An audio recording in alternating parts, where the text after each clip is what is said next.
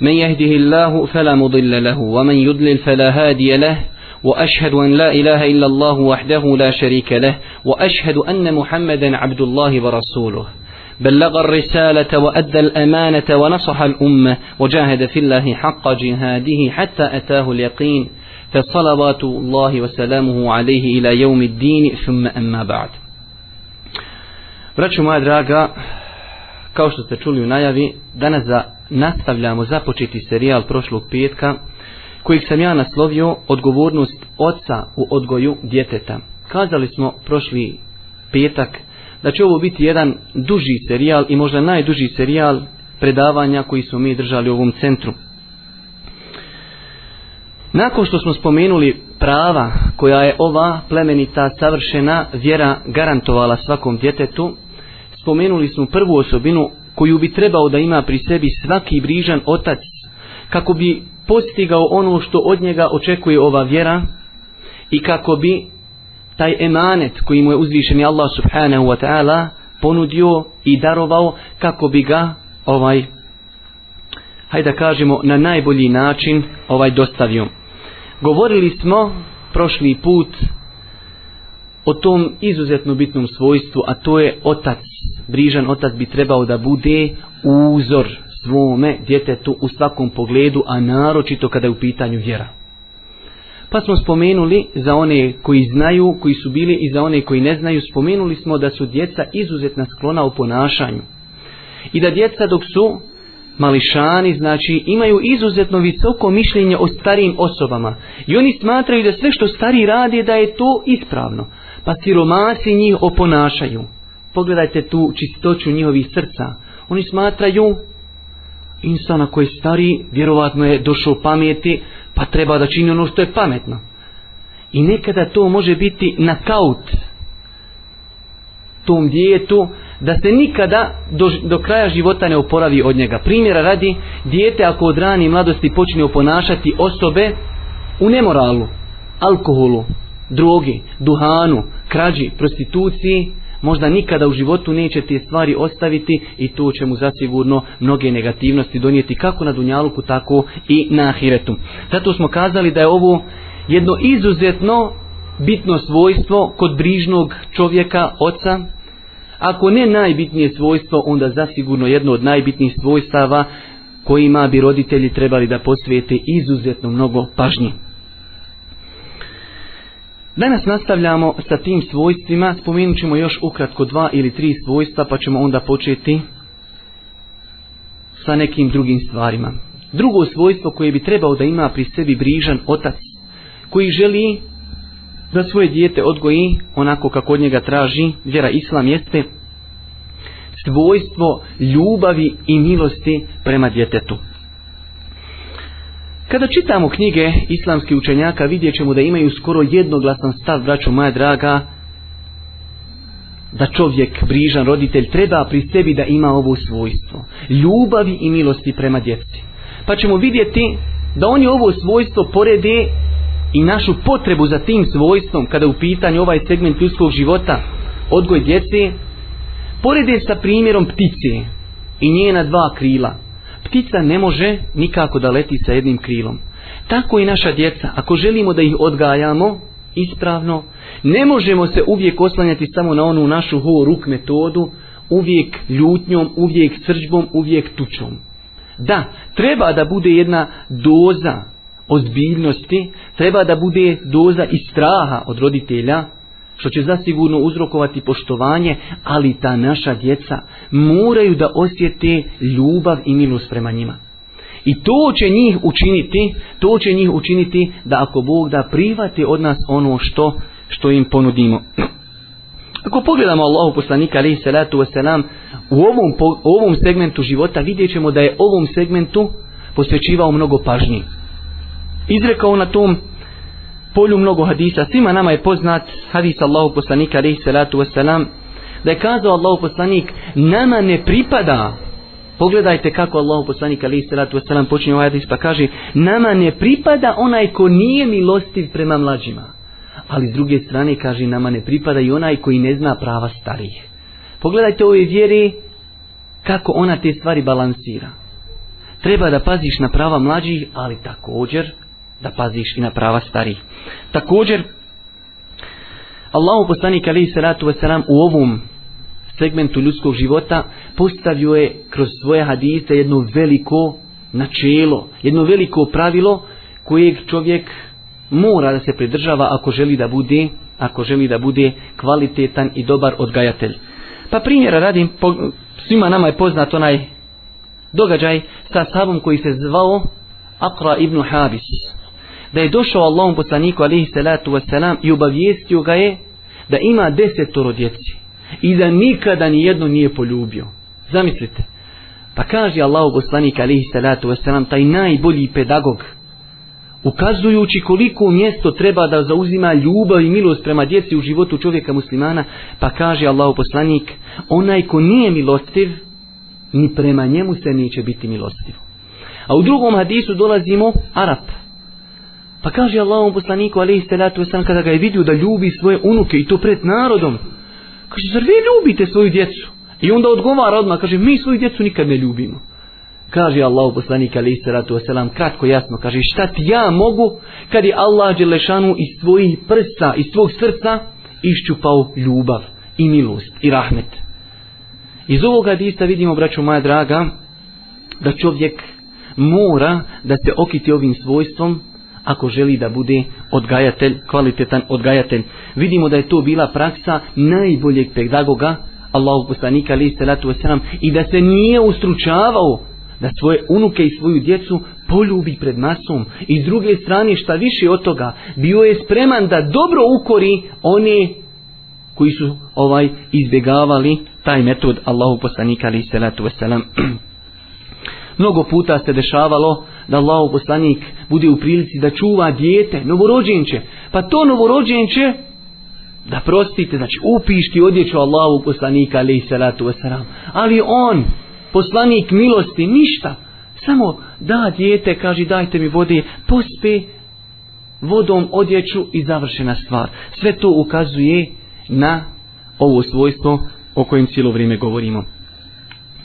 Treća osobina, braćo moja draga, izuzetno interesantna osobina i volio bi da se koncentrišete maksimalno, da se maksimalno koncentrišete prilikom obrađivanja ovog svojstva.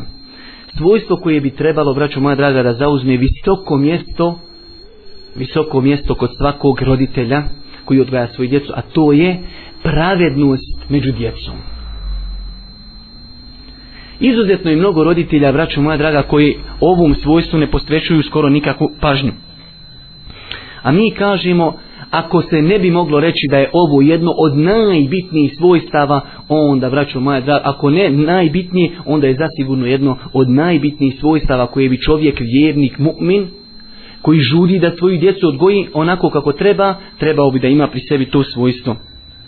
Uzvišen je Allah subhanahu wa ta'ala znajući kolike pozitivne, odnosno negativne rezultate možemo postići ako zapostavimo ili ako prakticiramo ovo svojstvo, strogo nam je naredio, braćo moja draga, strogo nam je naredio da budemo pravedni među našom djecom.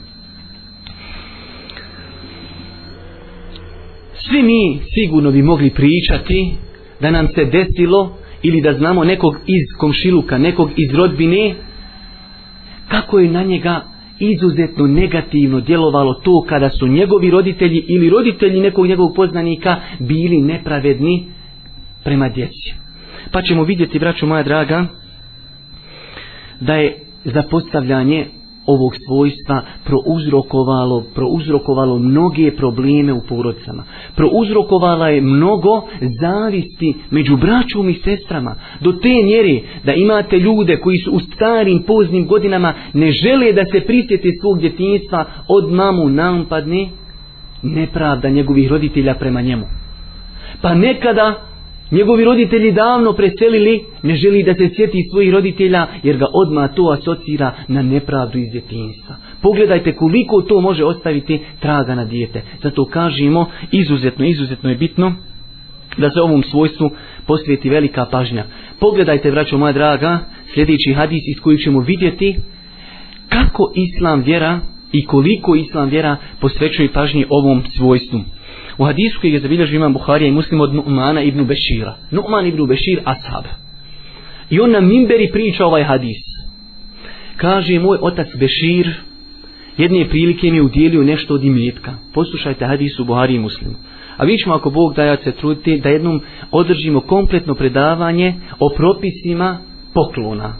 Ovo je jedan, hajde da kažemo, temeljni hadis u propisima poklona. Kaže Numan ibn Bešir, moj otac je meni udjelio jedan poklon. A moja majka koja se zvala Amra ibn Rala, bint Ravaha je kazala to mom ocu, nisam zadovoljna tim postupkom, hoću da od poslanika ali i salatu veselam tražiš da posvjedoči na ispravnost tog dijela. Pa kaže ovaj asa, pa me uzeo moj otac i otišli smo poslaniku. Jednom rivajetu kaže pa me uzeo za ruku, a u jednom pa me je ponio u naručju pa smo otišli Allahom poslaniku. Pa kaže ovaj Asaf. Allahu poslanić, ja sam ovom sinu, koji je sin od te i te žene mi, darovao sam mu nešto i mjetka. Pa moja žena nije zadovoljna sa tim dok ti to ne potvrdiš.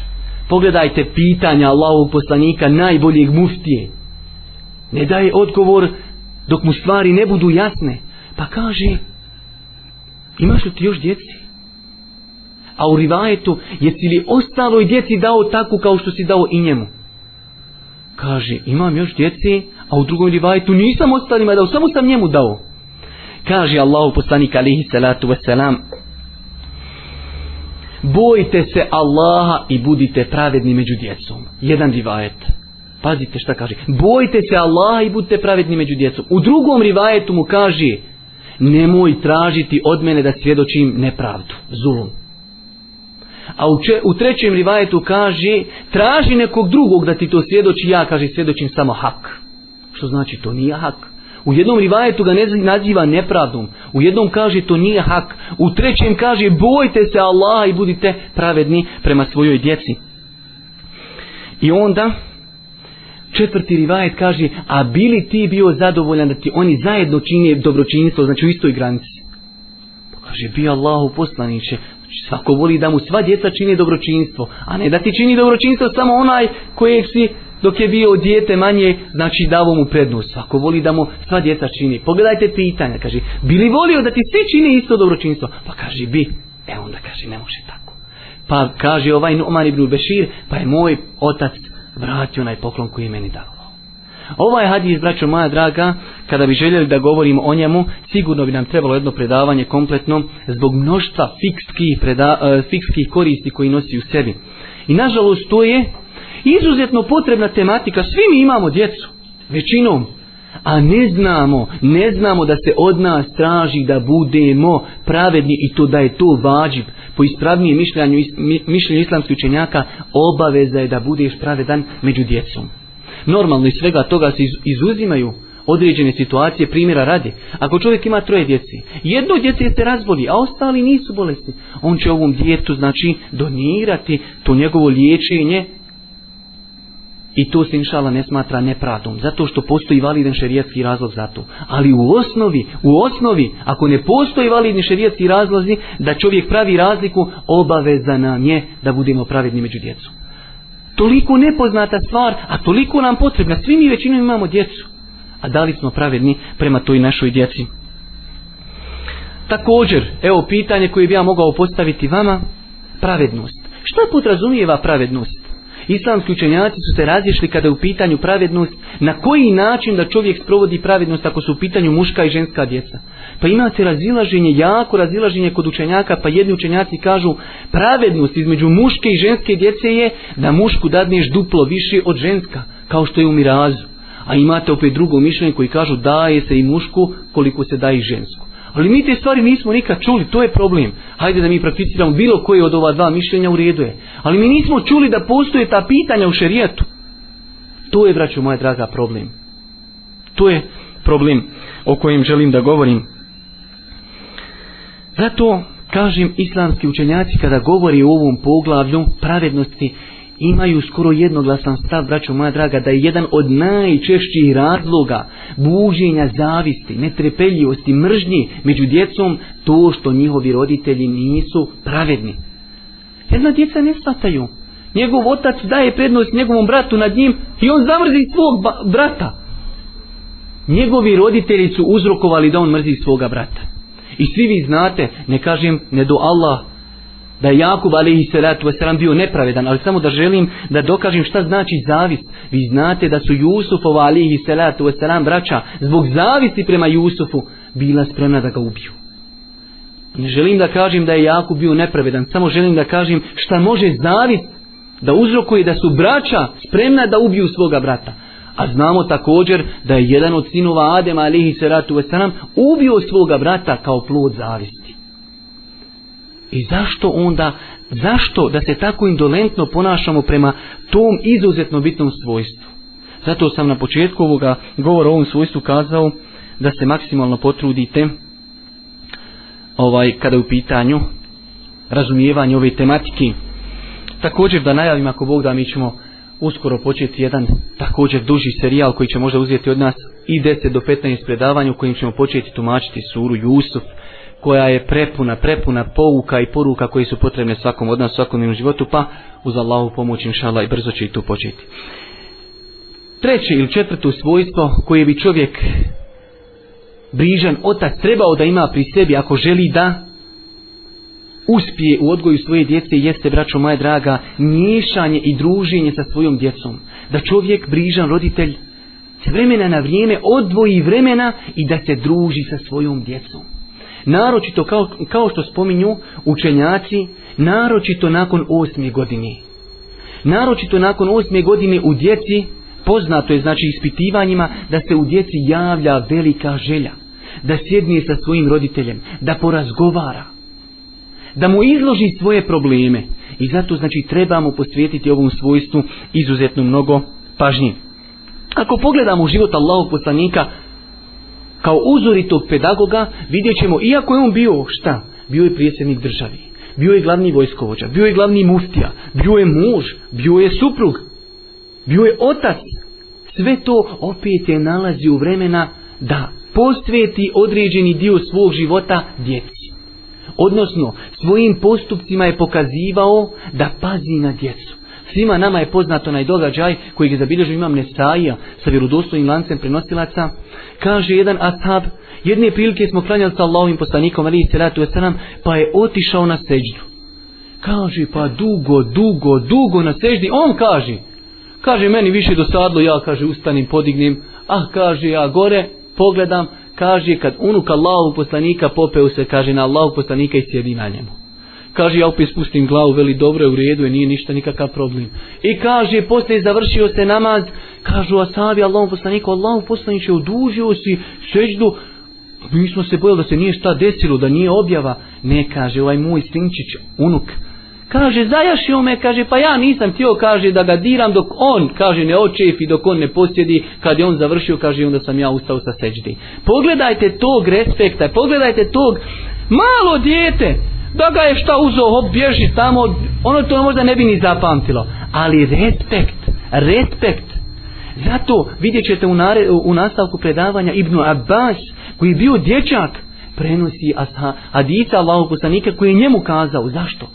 zato što je on osjetio da Allah poslani kada se njemu obraća da mu posvećuje pažnju i to je ono što mi trebamo našoj djeci od malena da posvetimo pažnju da oni shvate da imaju svoje mjesto u našoj kući također svi mi znamo poznata praksa Allahu poslanika hadisu Buhari i Muslimu da Allahu poslanik znao doći sa svojom unukom umamom čirkom za nebi i da bi sa njom klanjao a predvodi džemat Pa kaže, prenosio ta dita, kada bi bio na kirajetu, znači držao bi nju u naručju. Pa kada bi išao na ruku, prvo bi nju spustio, otišao bi na ruku, pa bi otišao na seždu, pa kada bi se sa sežde vraćao, opet bi nju pokupio i cijelo vrijeme namaza držao bi svoju unuku u naručju. Pogledajte Allahog poslanika, alihi salatu wasalam. I zadnje svojstvo, bojim se mnogo je ti svojstava, ali zadnje svojstvo koje je interesantno i koje je zapostavljeno, koje bi brižan otac trebao da ima pri sebi jeste, braćo moja draga, upućivanje dove za našu djecu.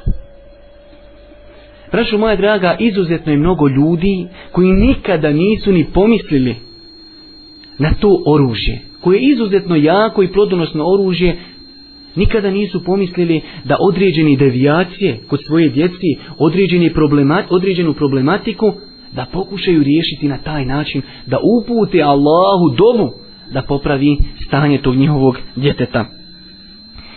Normalno treba ovdje naglasiti da je ispravno shvatanje dove, odnosno neispravno shvatanje dove, da čovjek podigne ruke i kaže gospodaru popravi to moje dijete, a fino pustiš dijete, te ode u kafić, te oblači se kako hoće, te gleda šta hoće, te čita šta hoće i ti gospodaru pomozi. Nema tu pomozi. Prvo poduzmi sve što je od tebe pazi na njega, odgoji ga koliko možeš, odaberi mu prijatelje, ne dozvoli da ide gdje ne treba, da nosi šta ne treba. A i nakon toga, ako vidiš da nije iman ušao u njegovo srce, da bježi od islama, tada podigni ruke gospodaru Allahu subhanahu wa ta'ala i tada je očekivati da se uzvišeni Allah odazvati na tvojim dovama i ne smije brižan roditelj brižan roditelj nikada zaboraviti činjenicu da je Allahu poslanik alihi salatu wasalam u vjerodostojnom hadisu kazao tri dove bit će primljene kod Allaha i nema nikakve sumnje da će biti primljene pa počne kaže dova roditelja či znači, ne smije roditelj to zaboravi dova roditelja je primljena kod Allaha subhanahu wa ta'ala također čovjek, brižan roditelj, ne smije zaboraviti da je to bila praksa najodabranijih Allahovi robova. Da su oni dovili Allahu da Allah popravi stanje njih i njihove djece. Pa primjera radi, Ibrahim, alihi salatu wasalam, jedan od najodabranijih poslanika, najodabranijih poslanika, upućuje uzvišenom Allahu subhanahu wa ta'ala da sačuva njega. Ođinubni, ođe, ođenidje, ođe, sačuvaj, kaže, mene i moje potomstvo, moje sinove, da obožavamo kumire. Ovdje iz ovog ajeta možemo uzeti dvije velike koriste, odnosno više njih, ali ćemo mi spomenuti dvije samo. Prva, ovo je dokaz za ono što spominjemo, da je Ibrahim alihi salatu veselam kao probrani Allahov rob nije zapostavio dovu, da uputi Allahu dovu za svoje dijete.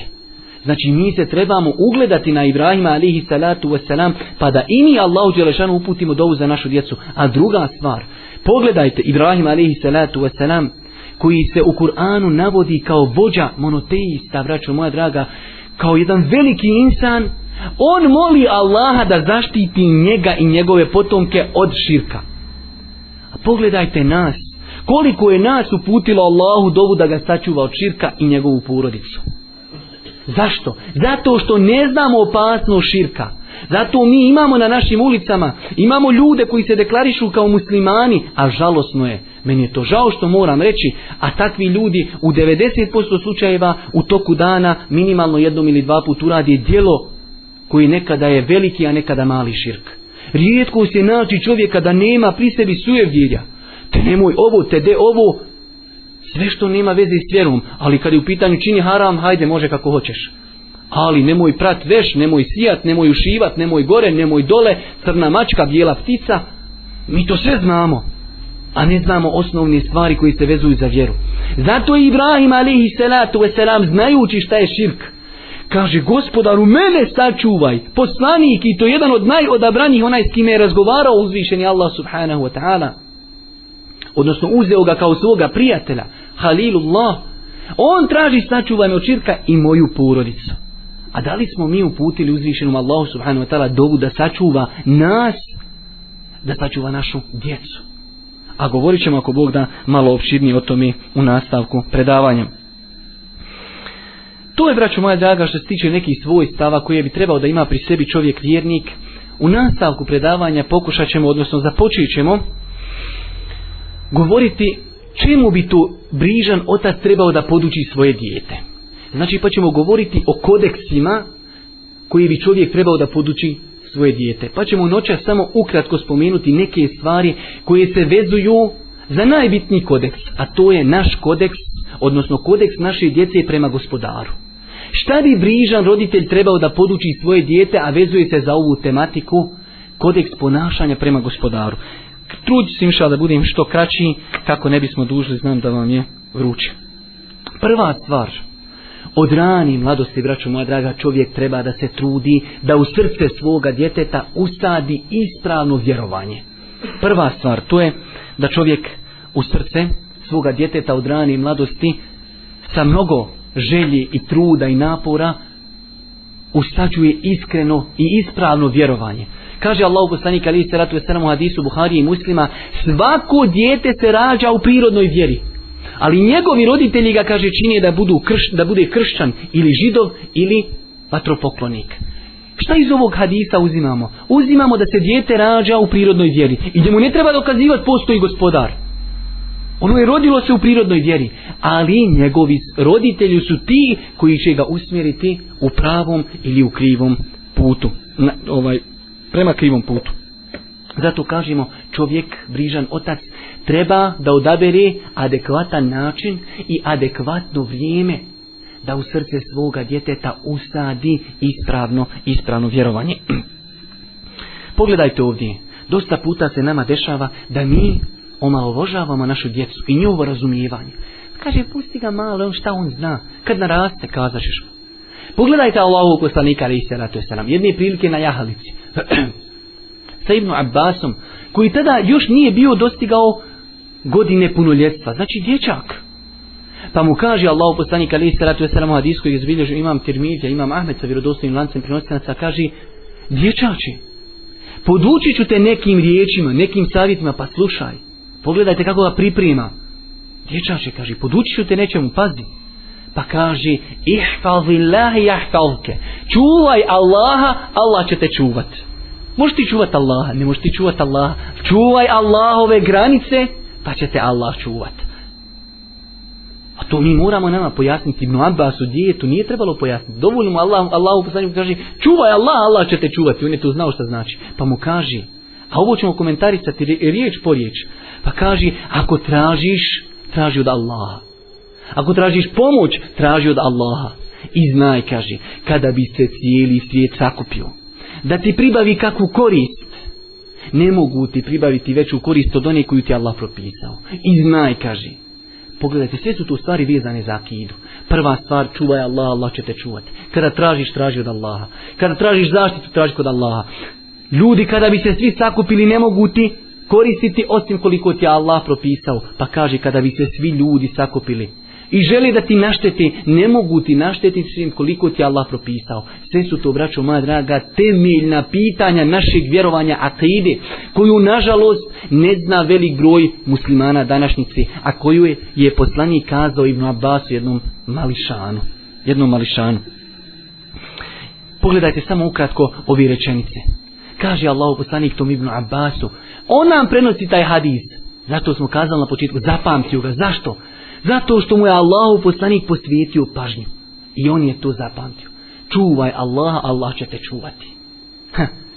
Sjećate se nas u ratu. Svi ljudi podižu ruke, gospodaru, gospodaru, šta je ovo, što nas je zadesilo? A, kada te zadesi musibet, gospodaru, a gdje si bio prije musibeta?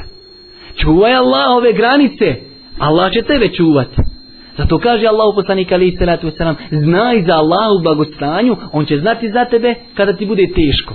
A ne samo znam za Allah kad me pritisne. E, tada ćeš biti po onom ajetu, ne su Allahe penestijahum, zaboravili Allaha. A, pa ih Allah zaboravio. Ako se zaboravio na Allaha, doće dan kad će Allah na tebe zaboraviti. Zato kaže Allah u poslaniku drugom hadisu, ako želiš da ti se Allah u teškom momentu da zove, zato u blagostanju kaže mnogo dovećini. Pogledajte znači kako velika korist iz ovih riječi. Pa kaže Allah u poslanik, nastavlja, ako tražiš, traži od Allaha. Pogledajte nas i naše stanje. Čovjek se razboli, zadesi ga neki musibet. Prvo u bolnicu, prvo gore, prvo u doktorima, prvo u sihribazima, prvo ovdje, prvo ondje. Kad vidi da mu niko ništa, onda na kraju, ah, gospodaru, pomozi sad i ti. A ne može tako. Prvo gospodaru ti pomozi. A u nas sve obrnuto, sve kontra. A pogledajte kako, zašto je kontra? Zato što nas, naši nisu naučili odmalena da kaži sine, kad te zadeci mu sive, prvo reci gospodaru, olakšaj mi. A pogledajte kako Allah poslanik podučava tu Ibnu Abbasa. Kad nešto tražiš, traži od Allaha traži od Allaha. Također, nastavlja kada, kada tražiš pomoć, traži od Allaha. Pa to su temelji akide koje mi ne znamo. Od koga mi očekujemo pomoć? U ratu. Od koga smo očekivali pomoć? Od koga su srebrenčani očekivali pomoć? Ko će zaštiti? Holandžani. Pa smo vidjeli šta su im Holandžani učinili. Pustili četnicima, evo koljte valije. Pa ja, očekuješ pomoć od Umprofora. Evo ti, Zato kažete u jednom hadisu koji je vjerodostan, jednom ashabu došli ashabi njemu nastupile smrtne muke. I oni dolazi, kažu, pa što nisi što god, kaže, zakačio na sebe, u smislu obisio kakav zapis ili nešto. Kaže, ne mogu ja to učiniti. Ja sam čuo Allah u postanika da kaže, kogod okači na sebe nešto, Allah će ga prepustiti tome. mi. Čemu god svoje srce okačiš, Allah te to mi prepusti. Okačiš svoje srce u proforu, eto ti Allah ti dadne, eto ti u propor, pa sa njim dogovaraj kako hoćeš. Okačiš svoje srce za holanđane, eto te holanđanima, pa šli šta će ti učiniti. Ha, to je Boži poslanik Ibn Abbasu kažu, kazao, temelji akide, mi nismo mi podučeni, niti mi podučajemo našu djecu temeljima akide. Da kažeš tvom djetu, sine, kad tražiš pomoć, traži od gospodara ćeš tražiti od mahluka, pa on sam sebi ne može pomoći. Kamo da te pomogne? Također, vidite na kraju kako završava Allahu poslanik ali istara tu wasalam u ovaj hadis pa kaže znaj kada bi se čitav svijet sakupio da ti našteti ne mogu ti našteti osim onoliko koliko Allah propisao i suprotno ako se sabiru da ti koriste ma ne mogu ti koristiti osim onoliko koliko ti Allah odredio to je kader da vjeruješ u kader on što vjeruju u bošnjaci u horoskop u fativine kaške i u, imaš tamo koliko hoćeš budalještine ostali a gdje je, gdje je kader gdje je kader učimo li mi svoju djecu da vjeruju u kader da kažeš sine upo z bicikla, sine dragi neći si upo, nije moglo biti drugačije to ti je tako, to ti je sudben, čuvaj se pazi, kupćemo ti pomoćne točkiće ali kad upadneš da znaš što je bio kader da znaš nije moglo biti drugačije A ne našoj djeci odmah mu uvali veselu svesku i on čita tamo horoskop od prvog razreda osnovne škole. Čitav život jednik vezuje svoje srce za horoskop. To je, to fali nama. Ispravna akida da našu djecu od malena naučimo ispravnom vjerovanju. Gdje je Allah? Ko je Allah? Da naučimo našu djecu svojstvima uzvišenog Allaha subhanahu wa ta'ala. Nakon znači toga, Nakon toga, kada podučimo našu djecu ispravnoj akidi, znači govorimo o kodeksu ponašanja prema Allahu, prva stvar da ih podučimo ispravnom vjerovanju, druga stvar da ih podučimo da su blagodati od Allaha Đelešanu.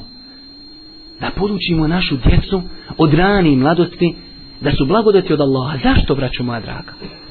Kada bi mi našu djecu od malena podučavali da su blagodati od Allaha, šta bi to u njima, kakav bi se osjećaj u njima budio? Pogledaj danas dadi neko sto maraka. Pa tebe stid, pa ti bi da mu nekako uzvratiš. Ti da naučiš tvoje dijete od malena da sve što ima da je to od Allaha. Šta će u njemu se odsjećaj? Pa on će imati osjećaj da ne treba biti nepokuran tom Allahu. Treba da mu bude zahvala. Na najbolji način zahvala je da mu bude pokoran. Tako bi se rađao osjećaj u našoj djeci od malena. Ali u nas, ko donosi blagodati? Deda mrazi da nam razdijeli paketiće. I jedno djete od prvog do prvog čeka da je da mraza da mu nešto donesi. Eto čemu mi učimo našu djecu. Treba da našu djecu podučimo da su blagodati od Allaha.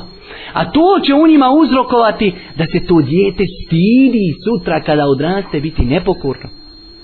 Da se trudi da bude pokorno tom gospodaru koji mu je sve to darovao.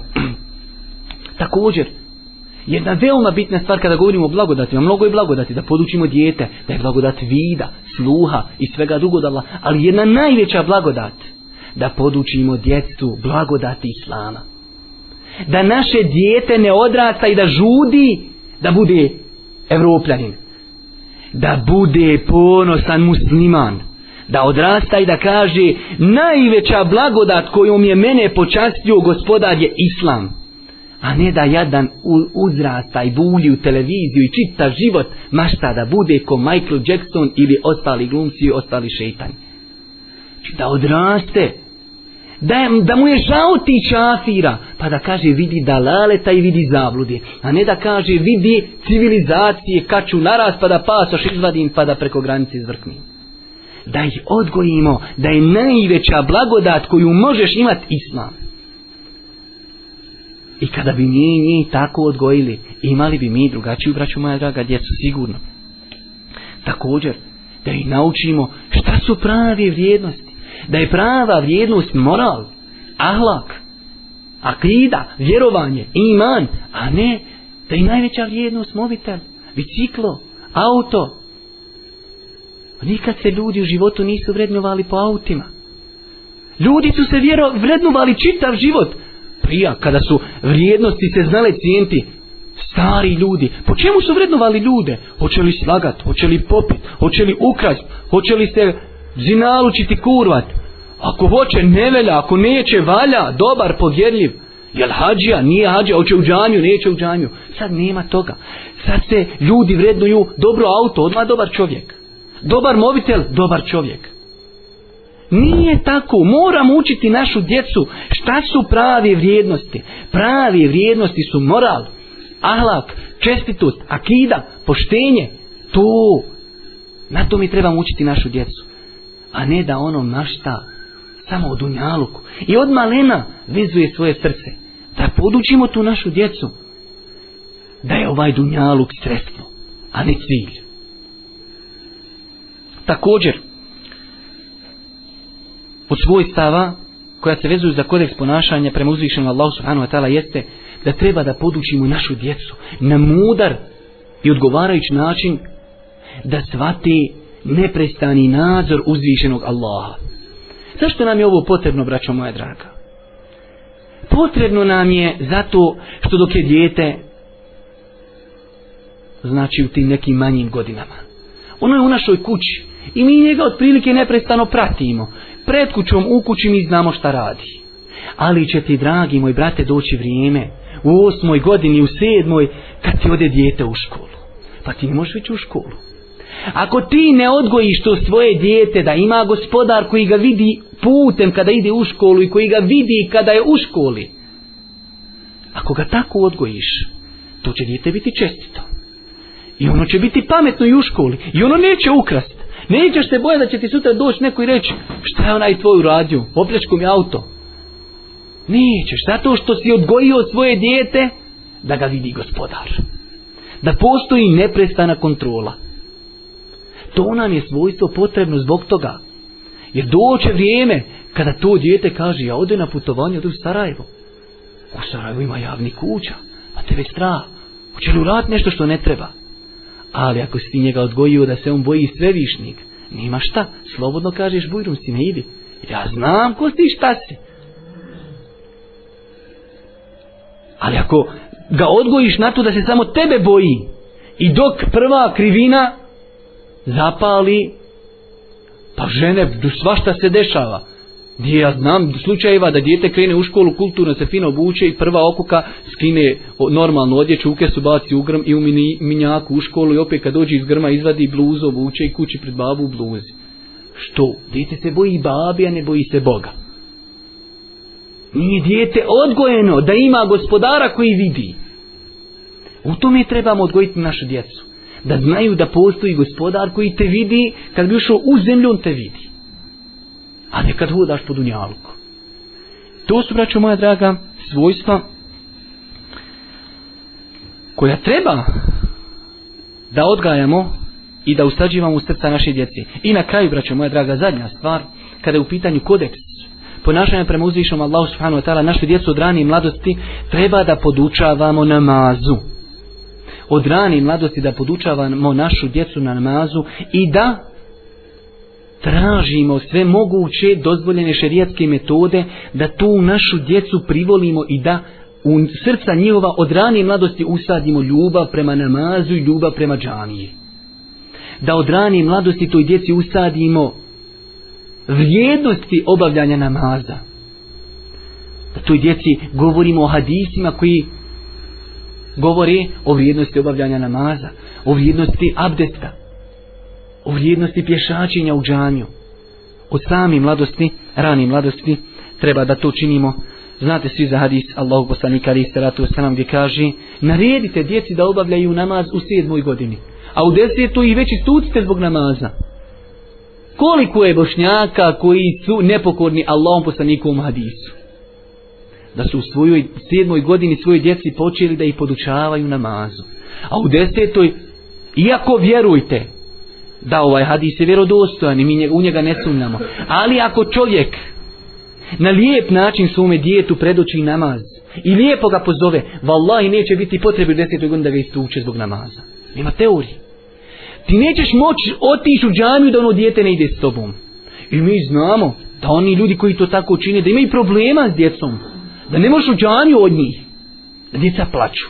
Ako se djetu ta džamija i taj namaz predoči na lijep način, Pa čak račun, moja draga, nima smetnje nikakve, to nije licemjerstvo da djecu nagradimo. Babo klanju kod kuće i kaže djece, hajde klanjaj sa mnom. Pa djete zaši kažeš, evo ti bombona, evo ti Marka, idi kupi sebi sladoled.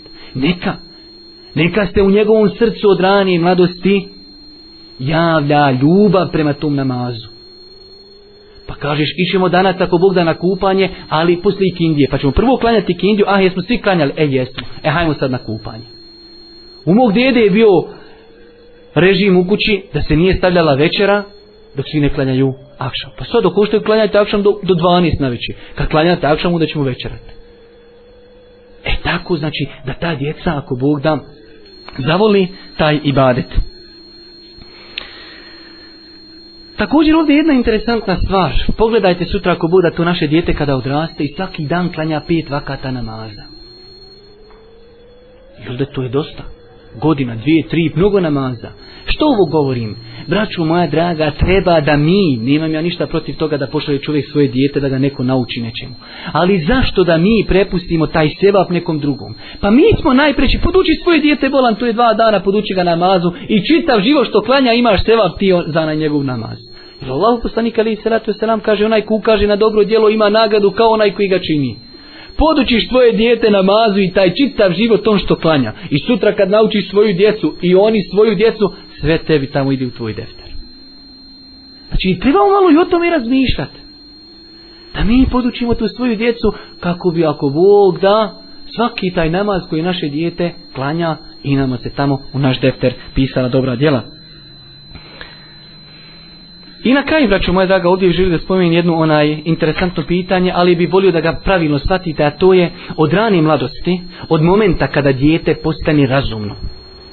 A što znači u šarijetu dijete razumno? Znači da dijete zna kada mu kažeš sjedi, sjedi, da razumije razgovor, da zna kada ga upitaš da ti odgovori. Kad već dijete dođe na taj nivo, čovjek treba da počne dijete voditi sa sobom u džanju treba da podučajemo našu djecu da je džanija jedna od najbitnijih institucija u njegovom životu i da se od rane mladosti uči da ide u džaniju i da voli džaniju.